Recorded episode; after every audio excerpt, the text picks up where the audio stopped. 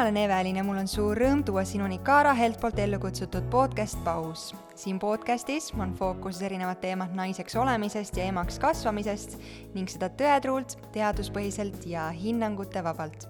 tänases saates on külas loovterapeut Alissa, kes jagab mõtteid loomingulistest tegevustest lastega, nende olulisusest, piiridest ja raamidest ning sellest, kuidas lapse loodud kunstile hinnanguid anda või mitte ja nende analüüsimisest. head kuulamist!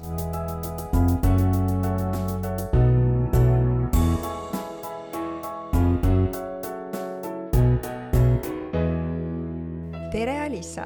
tere! kas me võime teha kokkuleppe selle osas, et kui see, see teema, millest me täna rääkima hakkame, on väga põnev ja mulle isiklikult ka pakub väga palju huvi, aga kuna ma sellest liialt palju ei tea, siis kui ma ütlen midagi valesti, siis sa parandad mind kohe. teeme nii.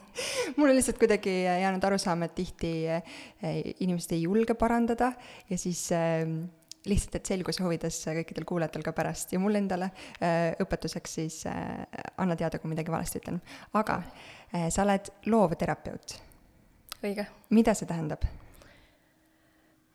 loovterapeut, see tähendab seda, et ma olen lõpetanud siis loovteraapiate eriala Tallinna Ülikooli magistris aga sellele eelneb, ma juba segan sulle vahele, mis sellele eelneb bakalaureusekraadis? Tead, kunagi äh, oli seesama eriala ka bakalaureuse okay., enam ei ole. et loovteraapiad jagunevad tegelikult nelja suunda, et on äh, visuaalkunsti suund, on muusikateraapia suund, on äh, tantsuliikumise suund ja on draamateraapia suund. Mm.. Eestis siis seda viimast ei õpetata, kaks esimest, visuaalkunst ja liikumine, tants on Tallinna Ülikoolis ja muusikateraapia on siis minu teada koolitusena, äh, mitte magistriõppena EMTA-s. okei okay., väga põnev. aga kuidas see loovteraapia sinu teele sattus? tead, sa küsisid äh, tegelikult, mis sellele eelneb ka, et noh, et kuna bakalaureust äh, enam ei ole, siis äh, magistrisse saabki äh, nii, kui sa oled läbinud äh, näiteks psühholoogia okay. äh, või mingisugused teised äh, tervise või sotsiaal äh, humanitaarbakalaureuse. aga kui sa ei ole psühholoogiat äh, või mõnda muud sellist äh, meditsiinilisemat või tervisega seotud eriala lõpetanud, siis peab päris palju juurde võtma läbi avatud akadeemia mm, -hmm. enne kui sa magistrisse saad minna. et loovterapeutidel on äh, ikkagi see vaimse tervise õpe päris äh, suurelt seal, noh, see baas peab olema seal olemas. mis äh,, sinul on psühholoogia? Ei ole, mul on äh, mul on äh, Kunstiakadeemiast äh, fotograafia eriala üldse. no nii, kuule, see on ja. küll väga põnev ja uud, uus äh, info siia. jaa, et äh, ma tegin jah, selle fotograafia bakalaureuse ja ma ei mäleta, kui palju seal vahel tegelikult oli aega, ma loodan, et ma ei valeta, kui ma ütlen, et oligi ainult aasta aega kui ma läksin siis magistrisse, et ma tegin äh, selle aasta jooksul need eeldusained ära, äh, et ma saaksin magistrisse minna ja siis ma sain sisse ja siis ma läksingi. kas see oli äh, juhuslik valik või mingil määral teadlik otsus juba sinna loovteraapia suunale minna? kui ma tegin oma bakalaureust fotograafias siis äh, äh, mõtlen, kuidas seda kõige rohkem kokku võtta, neid projekte, millega ma tegelesin, et äh, need olid sellised äh, enda, ma ütleks, enda identiteediga seotud äh, projektid ja kohandumisega seotud projektid. ma tegin video ja foto ja installatsiooni sellist äh, segu üldiselt ja näituseid tegin Eestis ja välismaal tegin ka et kõige rohkem äh, läks mul, äh, kõige suurem projekt oli mul enda Ukraina vanemast, kes, äh, kui oli, ma ei mäleta enam, mis aasta see oli, aga kui oli Krimmi annekteerimine, siis ta tuli siia, noh, isa, isa tõi ta Eestisse. Ja ta oli hästi stressis sellest uuest keskkonnast ja oma elu esimesest kolimisest ja siis ma hakkasin seda dokumenteerima, äh, tema elu, elu siin ja kuidagi äh, enda, enda juuri läbi tema mõtestama seda Ukraina, Ukraina poolt. ja selle näitusega ma, jah, ma olin Eestis ja Kiievis ja Helsingis ja Riias. ma hakkasin täna mõtlema, et ma vist sain selle eest mingi auhinna ka, aga ma ei mäleta, kas see, mis auhind äh, see oli, aga kui ma neid projekte tegin, oli ka mormoonid, kes tulid Eestisse äh, ja siis oma isa vanglakogemusest ma tegin ka sellise see, see oli mul video, videoprojekt. Äh, et ühesõnaga, need, neid kõiki ühendas minu jaoks see, et, et, et nad kuidagi see viis, kuidas nad ise väljendasid ennast, et ma andsin ka neile äh, selle võimaluse pildistada või midagi nagu joonistada või siis analüüsisin mingeid nende tehtud asju, siis mulle tundus, et seal äh, taga on nii palju, et kuidas, äh, kuidas ta seda teeb. ja, ja noh, kuidagi nii suur soov oli aru saada, mis selle taga on ja ma mäletan, ma rääkisin sellest enda sõbrannaga, kes oli minu gümnaasiumiaegne pinginaaber ka hästi lähedane inimene ja siis tema ütles mulle, et aga tee see aastane kunstiteraapia koolitus äh, ja siis, äh, kui see sulle meeldib, et sa saad ju minna magistrisse edasi, aga, aga see ei olnudki alguses see plaan. et plaan oli lihtsalt võtta see koolitus ilma nende eeldusaineteta, mis on magistrisse saamiseks vajalikud. et lihtsalt see aastane koolitus ja täiendada ennast ja siis edasi minna oma nende projektidega ja omada siis neid uusi äh, teadmisi, mis aitaksid äh, inimesi, inimestest rohkem aru saada. Äh, et kuidas nad visuaalselt midagi kujutavad. aga ma läksin ja siis ei olnud justkui nagu tagasiteed. et see oli kõik hästi põnev ja läksin magistrisse ja ja siis lõpetasin jah, nii ta on. ma saan aru, et see otsus äh, ja see mis sind köitis selle eriala juures, on, äh, tuleneb sinu enda lapsepõlvest ja, ja sinu enda ähm, võib-olla perest? jaa, kindlasti. ma mõtlesin äh, täna, enne kui ma siia tulin, et on äh, päris vähe asju, mis äh, on mind saatnud kaua. aga kunst on selline asi, mis on alati olnud see minu nii-öelda asi, minuga kaasas ja, ja joonistamine ja selline meisterdamine on alati olnud äh, minu suurteks lemmiktegevusteks. et äh, kuidagi selle, selle mõttega seoses mul tuli meelde äh, et mõnikord küsitakse, et äh, mis on selline kõige no mingi asi võib-olla, et kui äh, maja läheb põlema, et mis sa nagu kaasa võtaksid. Ja mul ei ole kunagi sellele vastust olnud, et, et mis mõttes mingi asi, et noh, ei ole sellist asja sellise nagu sentimentaalse väärtusega. aga siis mul tuli meelde, et mu isa, kui ta oli vanglas, siis ta äh,, ma olin eelkooliealine, kaks, kolm, neli. Ja ma sain selle kä-, ma ei mäleta, kui vana ma olin, kui ma selle kätte sain, aga ta oli sellisesse tühja märkmikusse, kus äh, olid siis valged lehed lihtsalt, äh, joonistanud, äh, teinud, jah, ise joonistanud ja teinud sellise aabitsa, et on täht ja siis see on nagu tähestik ja siis iga tähe juures on joonistus, mis ta ise tegi. ja see on küll selline asi, mis on hästi oluline mu jaoks, et need ise tehtud joonistused ja kuidagi see mis mind just visuaali puhul äh, kõnetab, et see, et selle jaoks ei ole jah vaja seda kõne ja selle jaoks ei, ei ole vaja mm, sõnu, et äh, mul on isa, isa on ukrainlane, tuli päris vara, tuli Eestisse pärast äh, gümnaasiumi, et too aeg vist oli kümme klassi, ja, ja noh, tema emakeeleks on vene keel, mitte ukraina keel siis, aga kuna ta oli, oli vanglas, siis äh, ma ei õppinud vene keelt ära. Ta sai välja ja kuidagi see distants äh, ikkagi jäi äh,, meil pere oli koos, et ema-isa jäid kokku pärast seda, aga jah, see mingi distants äh, teatud põhjustel jäi ja, ja ema-isa rääkisid äh, vene keeles, ma mäletan sellist äh, see, see tulnuka tunne, kui sa oled kodus ja sa ei saa aru, mis räägitakse, et sa noh, mingeid sõnu saad aru, aga, aga sisust ei saa aru, mis, mis seal mis seal nagu toimub. aga ma mäletan seda, et me käisime isaga joonistamas ja maalimas koos.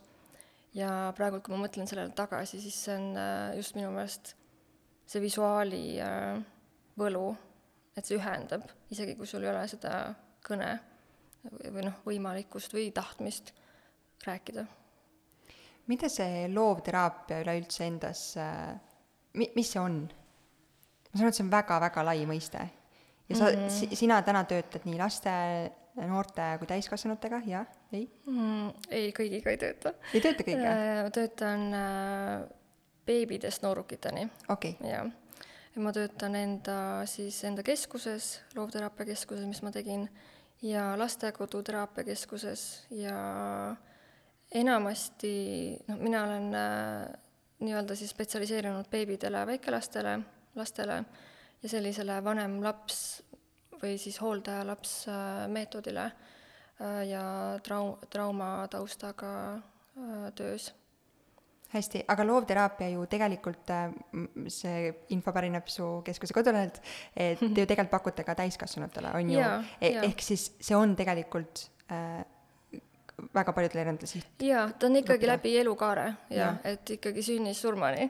ja see täitsa oleneb sellest, mis sa enne oled äh, õppinud või siis äh, mis sa oled juurde õppinud ja noh, Tallinna Ülikooli selline fookus on lahenduskeskne, et selline lahenduskeskne teraapiaraamistik ja arenguline lähenemine, et arenguline ei ole ainult lastega, et see ongi läbi elukaare, kuidas, noh, seda nimetatakse rekreatiivseks tasandiks, et kuidas siis läbi erinevate elukaarte toetada selle vanuseetapi potentsiaali.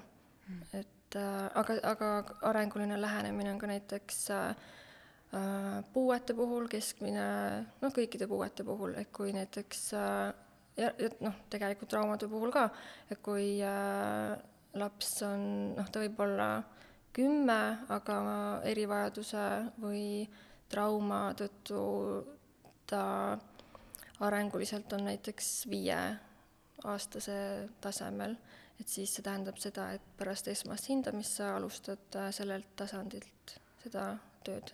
hästi, aga loovteraapia ise äh, seisneb milles mm? -hmm.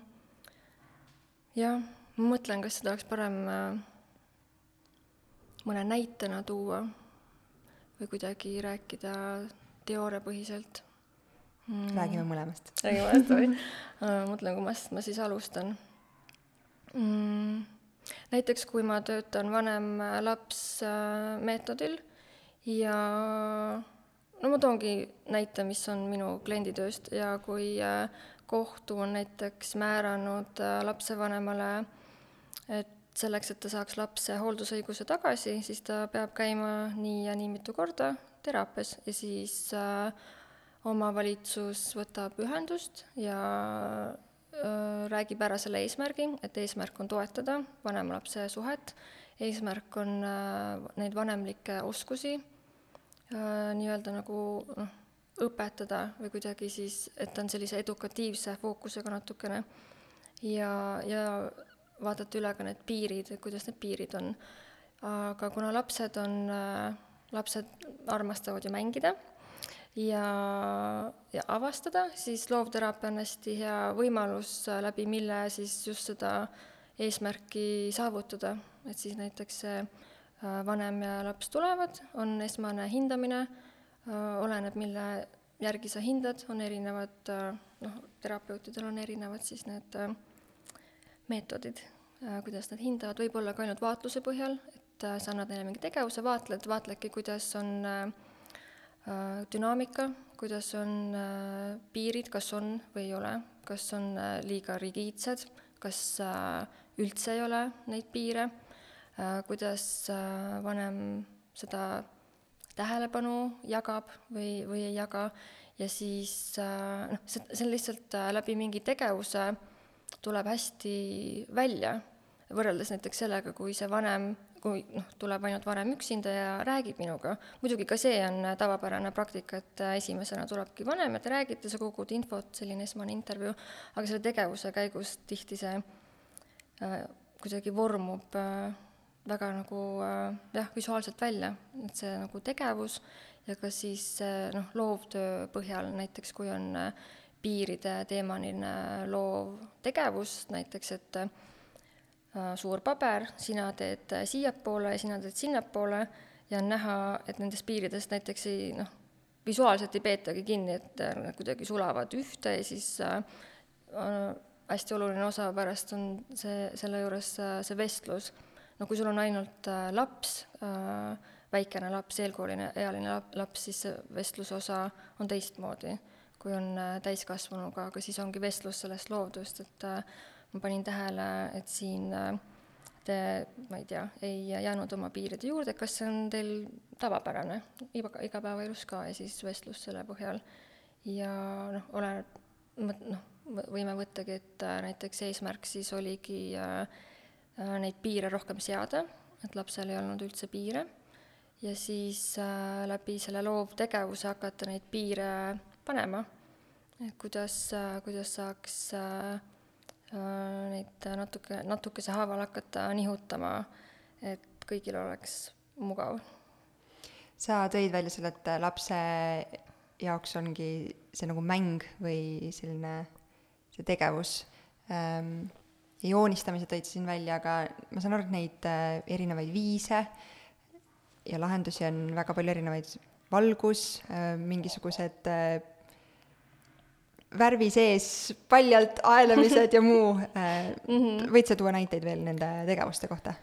jaa, materjale on hästi palju ja sellepärast äh, noh, lastega töötades on neid materjale eriti palju äh,. aga see teebki selle ilmselt väga põnevaks. jaa, väga põnevaks, aga väga raskeks, kui sa tahad mitmes kohas töötada mm., neid asju tassida.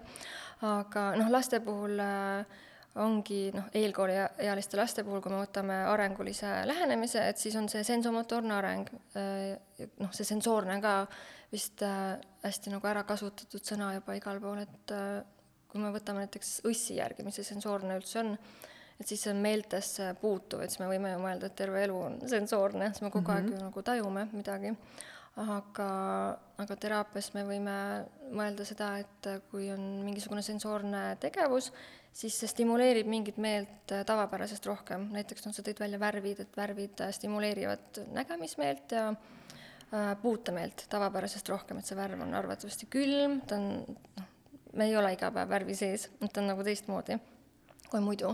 ja muidugi ka noh, tasakaalumeel, kui sa seal ringi libised juba et äh, seda kasutad rohkem kui muidu, aga, aga noh, minu lähenemine paljuski on siis noh, sensoorne, sest et äh, ma töötan nii pisikestega ja null kuni kolm, nemad ei meisterda veel midagi nad, nende joonistamine, noh, et selline kaheaastane võib-olla hakkab äh, kritseldama ja sealt edasi läheb see siis äh, edasi, kui areneb see joonistamine, aga aga ka jah, erivajaduste puhul ja traumataustaga laste, noorte inimeste puhul on sensoorne lähenemine hästi nagu omal kohal, sest et äh, traumade puhul sensoorne integratsioon äh, võib olla häiritud, et on eraldi ka sensoorse integratsiooni õpe, et sellest äh, ma arvan, et on pädev rääkima keegi, kes on selle nagu läbinud, et seda seda ma läbinud ei, ei ole, aga arengulises noh, et kuna lähtume areng, arenguteooriatest, kui me lastega töötame, et siis see sensomotoorne areng on seal, millest nagu lähtuda. sõna teraapia üleüldiselt äh, tihtipeale kuidagi assotsieerub sellega, et äh, et mingit mure või probleemi on vaja lahendada kellelgi või kelleski äh,. aga sa oled siin korduvalt välja toonud seda nagu arengu äh, ma ei tea, kas suunamist või äh, mis õige sõna on? ma ei tea, toetamine äkki. toetamine, jaa, just, väga hästi e,. siis e, kas loovteraapia mingisugused e, viisid elemendid, tegevused on miski, mida lapsevanemad peaksid ise kodus praktiseerima, andma need tegema toa pimedaks ja mingid ma ei tea, värvipallid, mis lasevad lakke erinevaid äh, kujutisi äh, kasutusele võtma, tegema vannitoa tühjaks kõikidest asjadest, mis ähm, värviseks ei tohi saada ja andma vedelad, külmad värvid ja laskma lapsel -hmm. uisutada seal vannis selle värvi sees või on need miski, mida peaks tegema? lühike vastus on ei pea aga nagu ma mõtlen, et noh, küsitakse ka, kui käiakse no mitte ainult äh, nüüd teraapias, vaid minu seal keskuses näiteks grupitunnis või mänguhommikutel, et kas ma peaksin iga päev neid asju tegema lapsega kodus. ma tahan maksimaalset arengut, et mida ma tegema pean.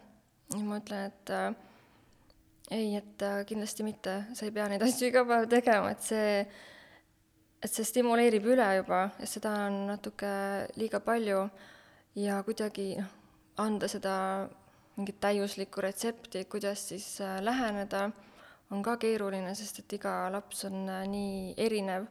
ma siinkohal lihtsalt äh, tead, kui ma mõtlen, mis selle kõige alus on, et see on ju see vanema-lapse suhe, et see kiindumussuhte toetamine et see turvalise kiindumussuhte positiivne mõju on ju nii empiiriliselt tõestatud, et noh, et see positiivne mõju läbi, läbi terve elu, et siinkohal on äh, minu meelest oluline just see vanema-lapse suhte toetamine.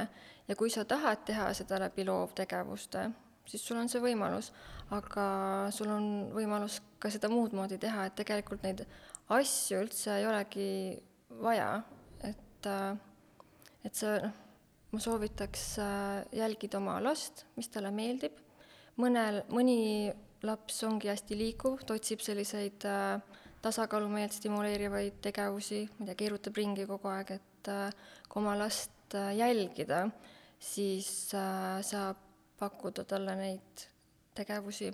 noh, muidugi ma mõtlen näiteks oma rehabilitatsioonitöö peale, kus äh, võibki olla näiteks äh, tegevusplaanis kirjas, et repertuaari laiendamine on siis eesmärgiks, mis tähendab seda, et äh, peaks justkui selle lapse repertuaari laiendama, see tähendab seda, et ta võiks teha rohkem asju, äh, mida ta, mida ta nagu praegult teeb, see tähendab seda autistide puhul hästi, noh, mul praegu tulevad nemad meelde, et kui on näiteks äh, mul on olnud laps, kes värvib ainult sinise pliiatsiga, ta tahab ainult sinise pliiatsiga värvida, siis, ka siis äh, minu meelest tasub mõelda seda, et äh, kelle jaoks see vajalik on, et ta seda repertuaari siis laiendab, et äh, jälgida selle lapse ikkagi nagu stressitaset ka, et äh, okei okay,, sa pakud talle, lapsele kogu aeg erinevaid äh, tegevusi ja ta võib-olla isegi noh, teeb neid, aga kui on märgata, et ta on sellest väsinud, siis see, see ei täida enam ju eesmärki mm. -hmm. sa oled ise ema mm? -hmm, sul on kodus ootamas üks viiene? jaa, varsti saab viis, jah. kui palju sa äh,, sa tõid mulle enne selle välja, et äh, sinu loovteraapia õpingud jäid just sinna tema sünniperioodi, siis äh, kas tema on mingil määral olnud selline katsejänes, kelle peal sa mingeid oma teadmisi oled proovile pannud? kõige suurem sest et kui ma magistrisse läksin äh, ja jäin rasedaks, see oli planeerimata rasedus, see oli hästi emotsionaalselt mulle keeruline, et kuidas, äh, kuidas jätkata, sest et mina tahtsin olla see, kes lõpetab ära ja mul on karjäär ja siis tuleb see laps. ei läinud niimoodi, äh, aga aga enne rasestumist äh, mind lapsed sihtrühmana erialases töös üldse ei huvitanud.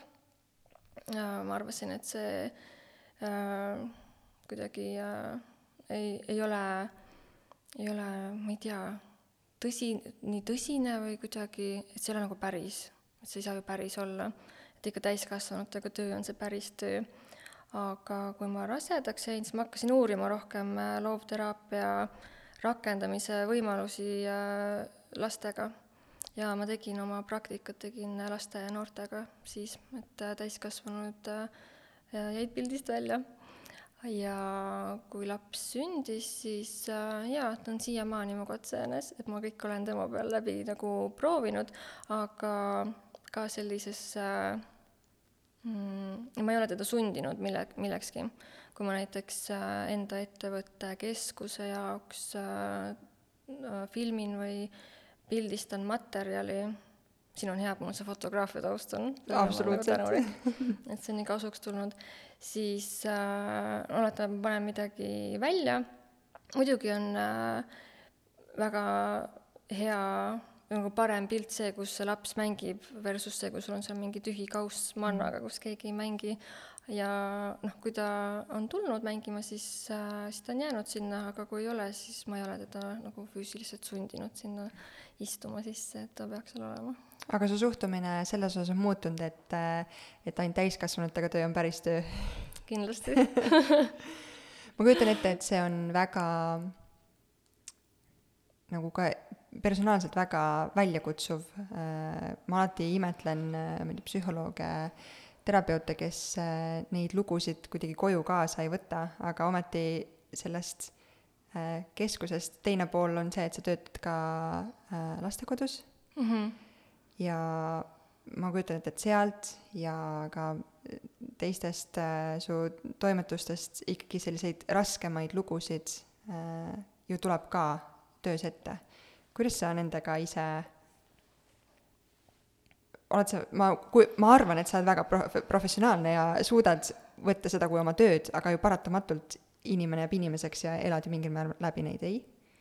ma ei ole, selles mõttes ma ei ole üldse professionaalne, kui, kui seda sinu sõna kasutada, et äh, võtan koju küll ja et äh, see lastekodutöö eriti äh, ega sa ei tea enne, mida see tähendab, kui sa reaalselt seal töötad, et ma mingi aeg vähendasin koormust tegelikult ka, sest et äh, see stressitase läks liiga kõrgeks ja sinust ei ole mitte kellelegi kasu, kui sa ise oled nii tühi.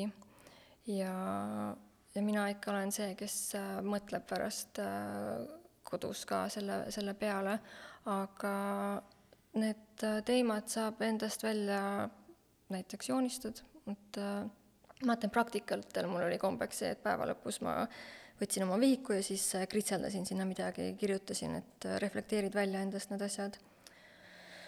Aga pärast lapse saamist äh, on olnud see, et kiiresti koju võtta, et tahad nagu last näha juba või lapsele järgi minna hoidu äh,. supervisioon on oluline, oma teraapia on oluline, et äh, vältida äh, ülekandeid, see tähendab seda, et äh, mingi teema, mis tuleb Äh, teraapias esile, ei tekitaks sinus sellist reaktsiooni, mis takistaks äh, edasi töötamast, et sa kannad siis üle oma selle reaktsiooni kliendile ja sealt edasi see ei ole enam äh, töö kliendiga, vaid see on, seanss on nagu sinust, et vältida, vältida neid asju.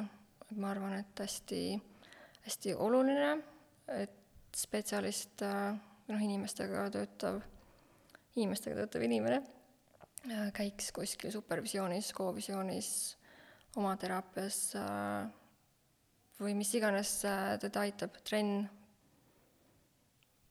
ja mingisugused huviringid, sõbrad.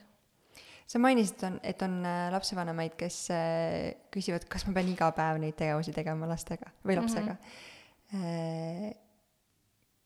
kuidas äh, ma, ma tunnen, et tänapäeva maailmas, võib-olla see on alati nii olnud, võib-olla mitte, me ajame taga mingit täiuslikkust, et ma pean olema parim lapsevanem, sest ainult siis tuleb minu lapsest edukas äh, maailmakodanik mm. -hmm. Äh, aga me ei saa kõike teha mm, -hmm. ei saa käia iga päev äh, mõnes äh, meeli arendavas äh, tunnis ja siis ujumistunnis ja siis äh, ma ei tea, mida kolmandat äh, veel teha mm. -hmm kuidas seda tasakaalu nagu vanemana leida, et äh, oma lapse arengut toetada?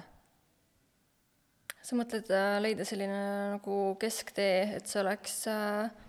kuidas sina oled selle enda jaoks leidnud, sest ma kujutan ette, et sul on emana ka ju mingid äh, eeldused ja ootused iseendale seatud, et sa tahad mm -hmm. olla hea ema, et lapsest kasvaks hea inimene jaa, mina küll tahtsin käia igal pool ringides, aga minu lapsel oli selline unegraafik ja temperament, et me jõudsime täpselt ühte öö, sinna ujumisse tundi, kuhu õpetaja ei tulnud kohale. ja üht, ebaõnn. jaa, ja siis ma lihtsalt istusin seal selle lapsega seal basseinis ja ühte mingisse tundi veel, see oli selline võimlemine vist, jaa aga ta käis minu grupitundides kaasas, ta oli nõus käima minu äh, loovteraapia grupitundides koos abikaasaga kaasas, aga aga noh, ma mõtlen, kuidas, noh, kuidas ma ise seda tasakaalu olen leidnud või kuidas ma seda mõtlen. aina rohkem äh, ma mõtlen selle peale vast nii, et äh, ei ole vaja palju asju äh,, ei ole vaja teada kõiki teooriaid ja ma vist enne mainisin ka seda ühendust või seda nagu kontakti, et, et sa lähtudki oma lapsest ja vaatad, mis talle võiks huvi pakkuda ja läbi selle kuidagi luua seda kontakti ja, ja noh, ma mõtlen ka, et noh, areng on nii lai mõiste, et mi-, et mille arendamist me siis soovime. et, äh, et võib-olla peaks äh, siis lapsevanem või hooldajaga mõtlema, et mida, mis see tähendab tema jaoks, et mis see, mis see mis see areng tähendab, et mi-, et mida ta nagu ootab ja kas see on üldse reaalne, mida ta ootab sellelt äh, lapselt, et ma tean neid lugusid, kus kaheaastaseid pannakse, noh, tahetakse panna neid, äh, ma ei teagi, kuidas neid nimetatakse, mingid tegelusvihikud või mingid asjad, noh, täitma, et mm, -hmm. et, mhm. et ta saaks hästi targaks. Aga see ei ole eakohane, kui laps isegi ei hoia veel seda pliiatsit käes, et ta täidab neid vihikuid. et, äh, et siis sa äh, ma mõtlen, et kui sa jäädki kinni sellesse, et sa pakud talle neid asju, mis äh, ei ole talle huvitavad või ei ole heakohased või mõlemat, siis, ja jääd sellesse kinni, siis sa teed äh, karu, karuteene, ma arvan, just nimelt sellele vanem-laps suhtele ja lapse, ma arvan, enesehinnangule, et noh, kus nõutakse midagi, mis, mis ei noh, et kui asi on liiga keeruline, siis see frustreerib. kui asi on liiga lihtne, siis see on igav. et just kuidagi leida nagu see, mis on nagu natuke nagu väljakutsuv ja et see on nagu põnev ja, ja sealt nagu edasi minna. ma mõtlen, mu enda lapsel on olnud ka perioodid, kus ta mängib ainult autodega. no ongi ainult autod, mitte midagi ei joonista. et mõnikord no ikka päris palju on küsitud, et kas ma iga päev teen oma lapsega mingeid loovad, loovaid tegevusi üldse mitte ei, me ei meistelda päev otsa hommikust õhtuni midagi, et äh, see lihtsalt äh, väsitab last ja väsitab, ma arvan, see lapsevanemad ka lõpuks äh, täiesti lõpmatuseni, lõpmatuseni ära. et äh, ma ei mäleta, mis sa isegi küsisid ja mulle tundub, et äh, mul ei olnud üldse konkreetne vastus sellele. see on okei okay., kui oluline lapsevanemana oma laste äh, tegevust, loomingulist tegevust on analüüsida. ma arvan, et seda, see ei ole selline oskus, mis, või teadmised, mis kõigil kaasas on. miks ma seda küsin äh,, minu üks ja ainus kokkupuude üldse äh, tegelikult psühholoogiga äh, on lapseeast, kui ma arvan, et ma olin kaksteist äh, ja mingil põhjusel ei tea miks äh,, istusin ma ühel hetkel psühholoogi kabinetis ja olin täiesti suu kinni ja ma keeldusin vastamast igasugustele küsimustele, mida mult küsiti. mille tulemusena mulle anti äh, värvipliiatsid ja paber ja paluti joonistada mu pere mm. -hmm ja kus, kus ma selle jutuga, selle küsimuse juurde tagasi jõuan, on see, et ma joonistasin äh, meie pere kus äh, ühel mm, siis pildi keskel oli maja, teisel pool olid minu vanemad ja väike õde, äh, nende pea kohal paistis päike, siis üle maja tuli vikerkaar ja mm -hmm. teisel pool maja seisin mina, kus oli vihmapilv, sest teadupoolest vikerkaar tekib, kui on päike ja vihm mm. -hmm. ja sellest oli psühholoogil väga palju põnevaid asju äh, välja lugeda, alustades mm -hmm. sellest, mitu akent oli majal, mida see kõik sümboliseeris ja tähendas mm. -hmm. ma vaatan juba sel hetkel kaheteistaastane, ma olin kuidas on võimalik sellist asja sellest pildist välja lugeda mm, -hmm. aga see on mhm. kuidagi siiamaani minuga kaasas käinud ähm,. on see miski nagu sellised lihtsad laste joonistused või mingisugused tegevused, mille, mida me peaksime analüüsima ka vanematena mm? -mm. E, mitte nii. Äh, selles, äh, kas, kas ta küsis ka sinu käest, mida see pilt sinu jaoks tähendab? kindlasti küsis mm. -hmm et see on kõige olulisem, mis, äh, mis tähenduse sellele siis see klient, äh, laps annab. sellist äh, praktikat tänapäeval no kindlasti on, ma tean, räägitakse, et selliseid asju tehakse, aga see ei ole eetiline, analüüsida kellegi pilti ilma selle see, kes selle tegi, tema sellise nagu sissevaateta mm, -hmm. et mida tema sellest arvab. et kui näiteks äh, tullakse teraapiasse, et laps joonistab ainult musta värvi pilte, ta on kindlasti äh, mõjutatud äh, millestki kurjast.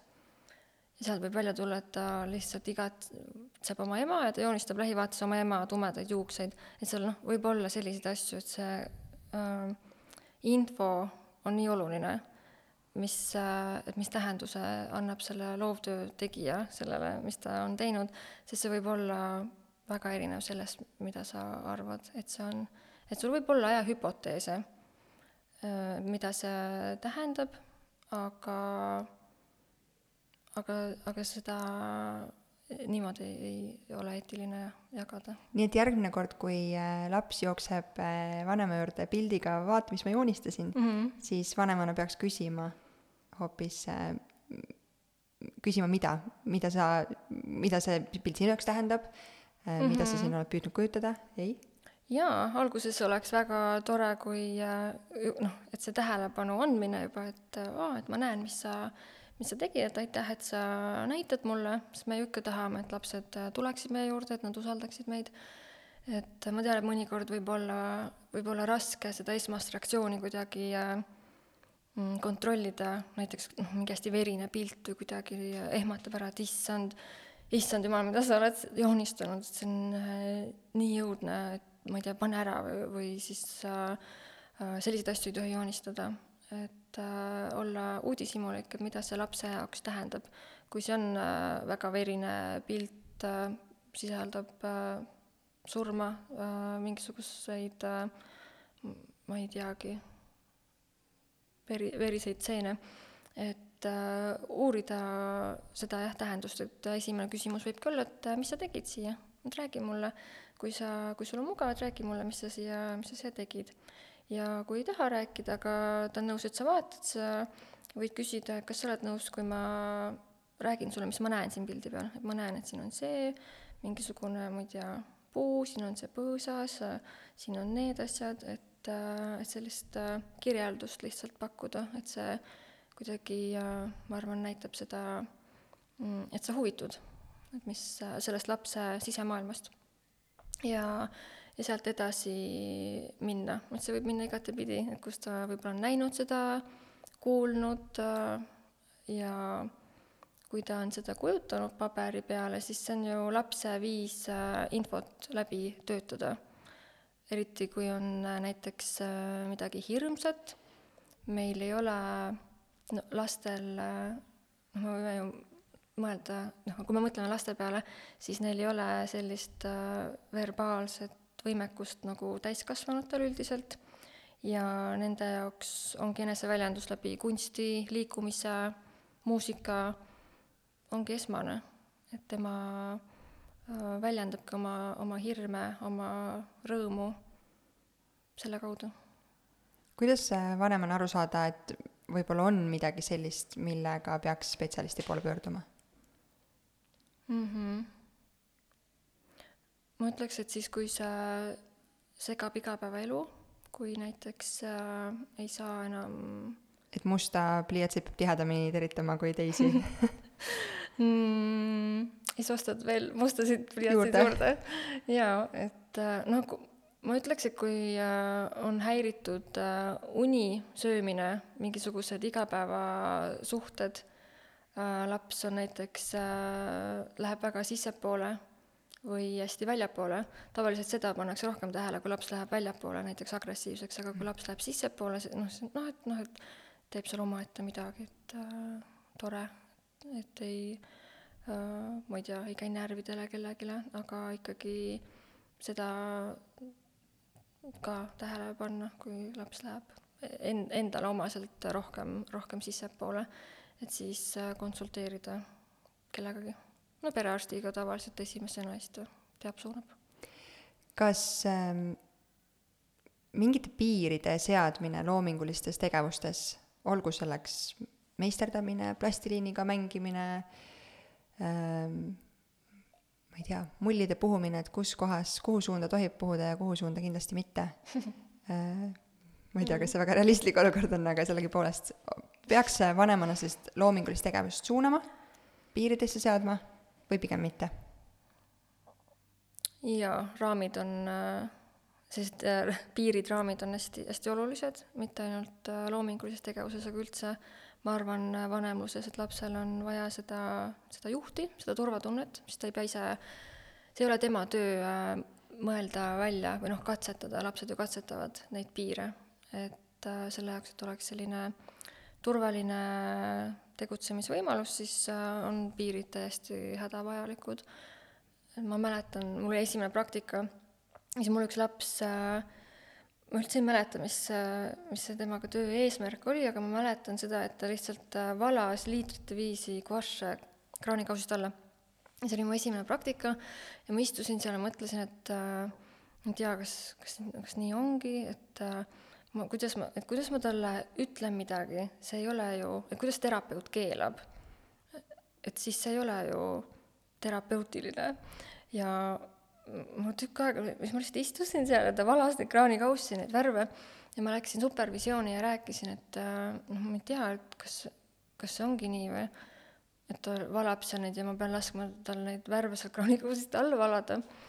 ja me käsitlesime seda teemat seal supervisioonis äh, ja ja siis ma äh, esimest korda sain, sain aru, et need piirid on väga olulised sellepärast et kui neid ei ole, siis noh, oletame, et sul on kodus, ongi eesmärk, et toetada seda loovust või seda vanem-lapse suhet, aga kui sul ei ole neid piire ja laps peab neid seal katsetama, siis ta võib-olla ei jõuagi selle tegevuse juurde, et oletame, et näiteks äh, on paber ja te värvite ja ja ei ole seda reeglit, et äh, me värvime paberi peale, siis laps võib igast kohad läbi katsetada, kuhu võib värvida või joonistada. Äh, kui on piirid, siis eks seda tuleb ikka ette ka, et noh, et ikka katsetatakse, aga need peaksid, äh, noh, on hea, kui need on enne juba olemas. Teie kodus valged seinad on jäänud valgeks ei ole, kõik ei ole et äh, enamik asju on hästi pe-, pestavad. mis ei ole, on vahakriidid, kui ei taha valgeid seinasid äh, niimoodi äh, saada, et need oleks nii, niimoodi kaunistatud, et maha ei saa pärast, siis äh, kõik peale vahakriitide tuleb minu meelest maha. ma tulen korraks tagasi selle juurde, et kui, ma ei tea, laps tuleb oma meisterduse või, või joonistusega vanema juurde ja siis sa tõid välja selle, et seda oma reaktsiooni tuleb äh, püüda kontrollida äh, kuidas sa suhtud nendesse, ma ei tea, kas nendest saab hinnanguteks nimetada, aga see, et oi kui ilus või äh, mingite omadussõnade äh, väljendamisesse sellel hetkel, kui laps toob mm. oma loomingu mm. -hmm. eks need mul ka tulevad ikka uh, üle, üle huulte on tulnud sellised väljendid, aga need on lihtsalt uh, Nad ei tagasisidesta väga Nad ei ole väga jah, sisukad selles mõttes, et et kui me ütleme, et see on nii ilus, siis äh, ma ei tea, mis see laps sealt nagu välja peaks lugema. et midagi on kellegi meelest äh, ilus, ma olen hästi palju mõelnud selle ilus-kole peale, ma enda arust kodus ei ole üldse seda äh, ilus-kole terminit äh, kasutanud, aga lapsel on ikka kuskilt jäänud, et mingi asi on ilus mingi asi on kole, et noh, ikka kodust väljas ju, et mida suuremaks laps saab, et siis igasugused keskkonnad mõjutavad ja siis on nii huvitav, ma enda lapse käest ka siis uurin, et aga mis, mis asi see on ilus. et, äh, et mida see tähendab. aga kui me tahaks sellist jah, sisu, sisulisemat tagasisidet anda, siis kõik selline protsessipõhine. noh, esiteks see, mis ma enne ütlesin, et äh, aitäh, et sa üldse tuled, näitad.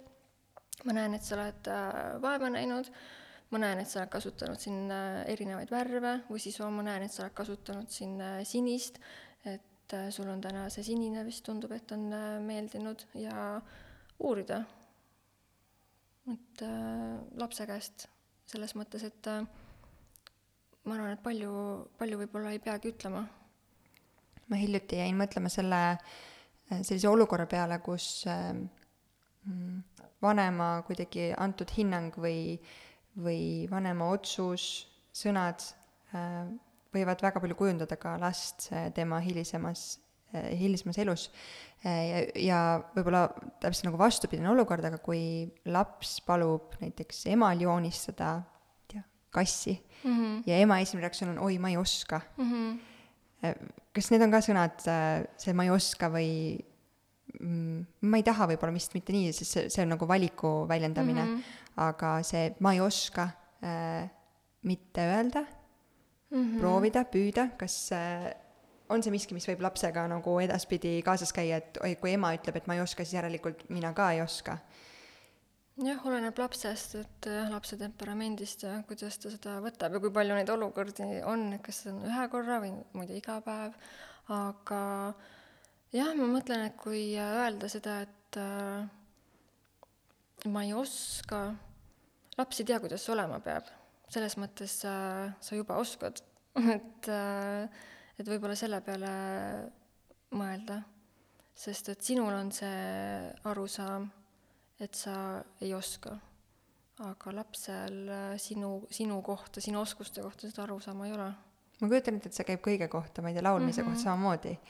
kuidagi minu, ma olen üles kasvanud muusikaga ja minu jaoks on hästi oluline, kuigi mu laps on praegu kaheksakuune ainult, et et äh, meil kogu aeg mängib kodus muusika, ma olen kuidagi, usun sellesse, et see see ei ole lihtsalt nagu lahe, vaid mm -hmm. see mhm. arendab äh,, ma ei tea, kas keelelist oskust, kui need erinevad äh, laulud seal mängivad mm. -hmm. aga, aga sama, et mina võin veel kaasa laulda ja ümiseda midagi, aga kui ühel päeval mu poeg palub äh, abikaasalt, et või isalt, et äh, laula mm -hmm. ja tema, ma tean surmkindlalt, et tema vastas, et ma ei oska mm, -hmm. las see emme laulab mm, -hmm. siis äh, ma ei tea, kuidagi ma vist püüaks vältida neid olukordi ma ise just äh, öösel laulsin oma lapsele, sest et ta kartis ja ma nii nagu teadlikult surusin endas seda mõtet äh, alla, et ma ei oska. Ma ise arvangi, et ma no professionaalsel tasemel ma kindlasti ei oskagi laulda ja ma pean viisi, noh, ma ei tea, kooris kunagi laulsin, aga ikkagi on see mõte, et ma ei oska laulda aga see rahustab mu last ja temale on see nagu oluline selles hetkes ja, ja siis äh, muud ei olegi ju vaja. mul ema rääkis kunagi, kuidas äh, mu isa laulis mulle ja siis ma karjusin ja nutsin, et noh, kui see ei rahusta su last, siis ei pea jätkama. aga, aga kui rahustab, siis vahet ei ole, et sa ei oska. et kui ma mõtlen näiteks äh, noh, sa küsisid nende tegevuste ka, et tege-, tegevuste kohta ka, et mida teha ja kui palju teha ja et kui see üks osa on see vanema-lapse suhte toetamine, et siis noh, see loovuse osa, et miks mitte, või noh, miks äh, mm, sellised äh, avatud tegevused on head, miks selline protsessipõhine tagasiside on hea versus see ilus kole, et äh, toetada seda loovat äh, noh, divergentset mõtlemist siis, et see on see mõtlemine, et on mitu nagu lahendust, mitte ainult üks lahendus. Et noh, see ei pea olema ainult kunstiga, et see võib olla ju ka kõnes äh,, liikumises äh,, see divergentne mõtlemine ei ole ainult visuaaliga seotud, aga noh, ma ise lihtsalt olen sellega kõige rohkem nagu tegelenud.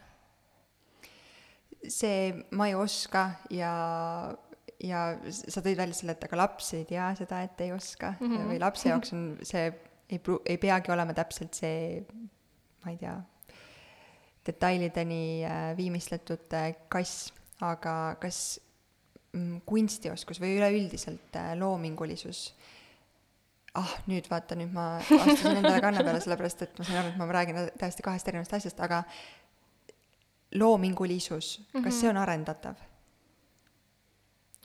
siin ma küsiks, et mis, mis on loomingulisus?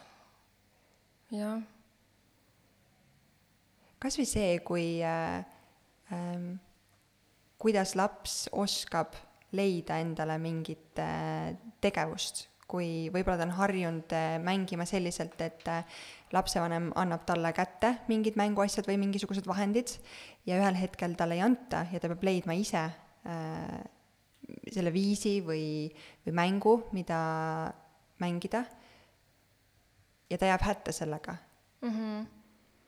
ma vaataks kõigepealt üle need asjad, mis tal on ja ma vaataks üle, kuidas talle need asjad on pakutud, et kas tal on ligipääs nendele asjadele, kas need on eakohased asjad, kas need on asjad, mis teda huvitavad, et et kõi-, kõigepealt see tasand üle, üle kontrolli, kontrollida. et see oleneb lapse temperamendist ka, mõni nokitsebki palju omaette, mõni tahab rohkem sellist ühis, ühistegevust, aga kuidas su küsimus oli, et kui äh, kas loomingulisus kui selline on äh, arendatav? jaa, loov, loovmõtlemine kindlasti äh, minu meelest tänapäeva nende loovuse teooriate järgi ongi see arusaam, et see ongi arendatav, et see noh, et see kaasasündinud äh, mingisugune noh, on, on mingisugused kaasasündinud äh, omadused äh,, mis võib-olla toetavad äh, sellist loovat mõtlemist äh, rohkem kui mõned teised isikuomadused, aga, aga loovuse all käsitletakse, seda käsitletakse kui oskust, ehk siis nagu midagi, mida saab õppida ja väiksest noh, niimoodi väikesest lapsest peale saab seda siis toetada. Või noh, meie vanematena saame seda toetada. aga täiskasvanuna võtta kätte ja hakata endas neid oskusi arendama tehtav või äh, üle kivide känduda? kui tahad, ma mõtlen, et äh, kui, äh, kui see on su eesmärk, aga kui keegi näiteks toob oma sõbra teraapiasse ja ütleb, et tal võiks minu meelest seda loovat mõtlemist rohkem olla, siis see nagu ei toimi, sest et see ei ole tema enda nagu eesmärk. aga võib-olla noh, kui mõelda, mis seal taga on, kui näiteks äh, endale tundub, et ei ole seda loovat äh, mõtlemist väga või seda loovust, et äh, võib-olla, et kas seal taga on mingi hirm läbi kukkuda, kas seal taga on mingid arusaamad, kuidas asjad peaksid olema, kas seal taga on mingisugune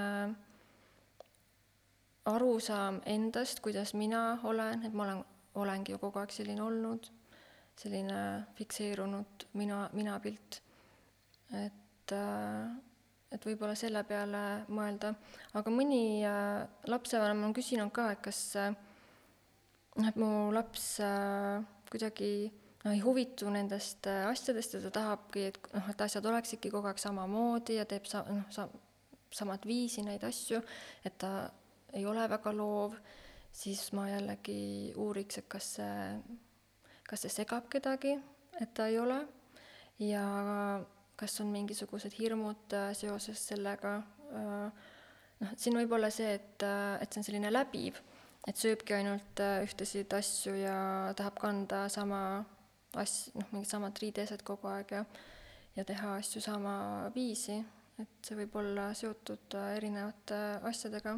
kui sa saad lõppu tuua mõned praktilised nõuanded, kui ma ei eksi, siis mm, sinu Loovteraapia Keskuses mm, on oodatud alates kaheksast kuust vist mingitel äh, mänguhommikutel ja tegevustel mm, -hmm. jah? jaa, sellel, osad on null ka, see valguseüritus võib tulla nooremaga ka, aga selline kaheksa kuud on aga kui me võtame kas või see kaheksa kuud äh, äh, aasta ringi äh, beebi, lapse äh, vanuse, siis on sul mingeid praktilisi soovitusi kodusteks tegevusteks äh,, mida mida siit võib-olla vanem võiks kaasa võtta ja täna katsetada mm? -hmm. ta Eestis on äh, see, et ei saa enamik aega aastast õues olla, siis ongi minu meelest hästi hea ja lihtne kodus erinevate kuivainetega katsetada, ma tean, et osadel on äh, sellega hästi suur tõrge, sest et see on toiduaine, kuidas ma mängin toiduainega, aga seda ei pea ära viskama, et sul võibki olla näiteks äh, kausitäis äh, mingit maisimannat ja seda, seda ei pea olema nii palju, ma tean, et meil keskuses on need kuivaine mänguhommikud, seal on kõik tuba seda täis. Ja see võib kodus olla selline pisikene kauss, kus äh, ta saab seda katsuda, et just see, et neid erinevaid tekstuure pakkuda, et need ei pea olema ka noh, kuivained, et kuivained lihtsalt äh, selle tõttu, et äh, on noh, seda nimetatakse kunstieelseks äh, materjaliks sest et äh, siis lapsed saavad seda ka maitsta, see ei ole mürgine, see on ohutu ja maitsmismeele kaudu on ju hästi noh, see on selline primaarne äh, viis tükk aega, kuidas äh, avastada maailma. et see lihtsalt ei ole, ei ole siis ohtlik. aga tekstuure on ka igasuguseid, et, et võib ka võtta mingeid teisi asju, kui taha kuivaineid võtta, mingid asjad, mis teevad heli. ma arvan, et mulle endale kuidagi tundub, et, et esimesel eluaastal selliseid nagu mänguasju ei ole üldse vaja. ma tean, et see võib-olla tundub hästi põnev maailm, sest et neid asju on nii palju ja tahaks igasuguseid asju osta. Aga minu meelest palju ei ole vaja. Või siis üldse, sest et kodus on igasugused pudelid, kuhu sisse saab asju panna, mis teevad häält. Äh,, igasugused erinevad objektid, mis peegeldavad, potid ja lusikad ja mm. stimuleerid nägemismeelt, erinevad äh, kangad äh, on ka ju siis äh, puutemeelt stimuleerivad ja kuidagi võib-olla olulisem ongi see, et sa lihtsalt siis sellele kaheksakuusele ei viska seda mingit asja sinna ette ja lähed ise ära. et äh, sa oled temaga seal koos, just see koos olemise äh, võlu ja koos avastamine, et äh, see, see noh, see ei ole nagu, noh, mõnikord on mingid mänguasjad ka poes müügil, et arendav mänguasi, aga tegelikult see ühistegevus ja koos olemise kaudu äh, avastamine on arendav. ma olen sinuga väga-väga nõus äh,, aga ma pean ütlema ka seda näiteks äh, näide elust enesest täna enne lõunal, kui mul oli hädasti vaja suppi keeta mm -hmm. perele lõunaks ja laps oli, tahtis väga mu küljes olla samal ja ma tõesti ei saanud seda lähedust talle sel hetkel pakkuda mm. -hmm. sest koos seal supipoti ääres toimetada on natukene ohtlik, siis äh, me leidsime koos sahtlist ühe siis salvrätikute paki, mis mm -hmm. krõbises ja sealt sai need salvrätikud välja tõmmata ja tal jätkus tegevust sellega seal kümneks minutiks, kuni ma sain oma kartulit äh, kooritud ja hakitud ja potti pandud. et, et sellised, äh, ma olen nüüd enne lapsevanemaks saamist ma nägin tihti seda, et, et äh, lapsevanemad ütlesid, et ei, mänguasju ei ole vaja ja nüüd ma saan sellest väga hästi aru, sellepärast et see äh, ma ei tea, karvane krõbisev laulev mm lelu on väga vahva ja ta sellega äh, toimetab ka või me koos toimetame sellega vahepeal, aga sellised päris asjad, mis lihtsalt sahtlist tulevad, on mm -hmm. need mhm. supikulbid või äh, salvrätikupakid, siis need pakuvad palju rohkem avastamisrõõmu. jaa, ja ma loodan, et mu ves-, sellest jutust, vestlusest äh, võib-olla ühesõnaga, ei pea kogu aeg lapsega jaa, olema koos, täiesti, ei peagi mm. -hmm. see äh, ei olegi normaalne et sa oled äh, kakskümmend neli seitse lapsega koos ja avastad midagi, täiesti ülinormaalne, et sa annad talle selle salvrätikupaki ja ta avastab seda ja sina teed suppi, peate ju sööma ka tõesti, nii on. ongi, tuleb see tasakaal leida mm -hmm. nii koosolemise, läheduse hetkede kui ka igaüks teeb oma asja mm, vahel mm. -hmm. aitäh sulle, Liisa! kas on midagi, mis sa kindlasti tahad veel lisada, mis kripeldama jäi, jääb või äh, või said kõik äh, mingid olulised mõtted äh, jagatud? ma arvan, et enamik äh, sai jagatud. võib-olla see, et äh, ma ei tea, noh, ma ei ole ju kuulanud seda meie vestlust veel, et äh, võib-olla jäi mulje, et loovus on ainult kunstipõhine, aga ei ole, et just see, mis sa välja tõid ka, et need igapäevased asjad, et nende igapäevaste asjade kaudu saab väga suurepäraselt äh, loovust äh, toetada, mida nende asjadega nagu teha, äh, nende kodust, koduste esemetega, noh, need nimetatakse ka avatud asjadeks mõnes kohas, et kivid, mingid klotsid, mingid jublakad, mingid erinevad jublakad ja rätikud ja asjad ja, ja ka kõne, kõne ja liikumise kaudu saab olla, olla loov väga põnev maailm igal juhul mm. -hmm. aitäh sulle. aitäh, et sa kutsusid. tšau.